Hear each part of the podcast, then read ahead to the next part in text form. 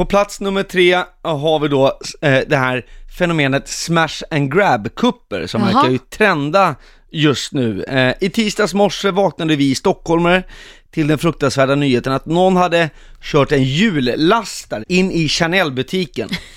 Herregud. Såg ni bilderna på det Ja, här? jag såg. Nej, jag gjorde inte det. Nej, okej, för det var ju många andra. Ja. Jag trodde du skulle känna dig personligt berörd. Att det...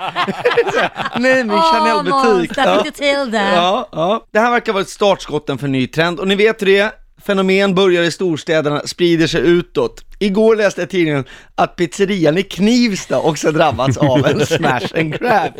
Och jag kan förstå Chanel-butiken, här pratar vi lyxvaror för ett Ja. värde av säkert över 10 miljoner. Ja. Men att göra en smash and grab in i pizzerian i Knivsta, här tror jag inte det finns ekonomiska motiv bakom, utan då är man bara jävligt sugen på pizza.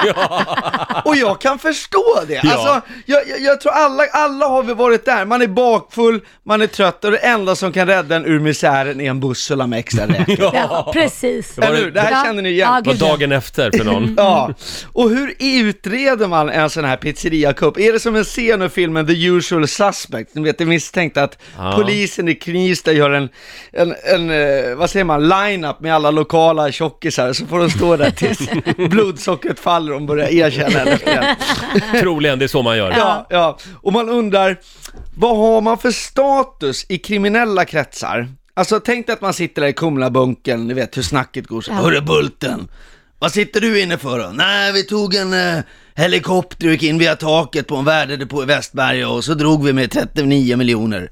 Du då? Ah, ja, jag körde in en Volvo 240 Pizzeria Pingvin. Jag fick med mig 120 kronor i rikskuponger, fyra stycken nummer åtta mexicana och stark sås. Så kan det vara, det var plats nummer tre.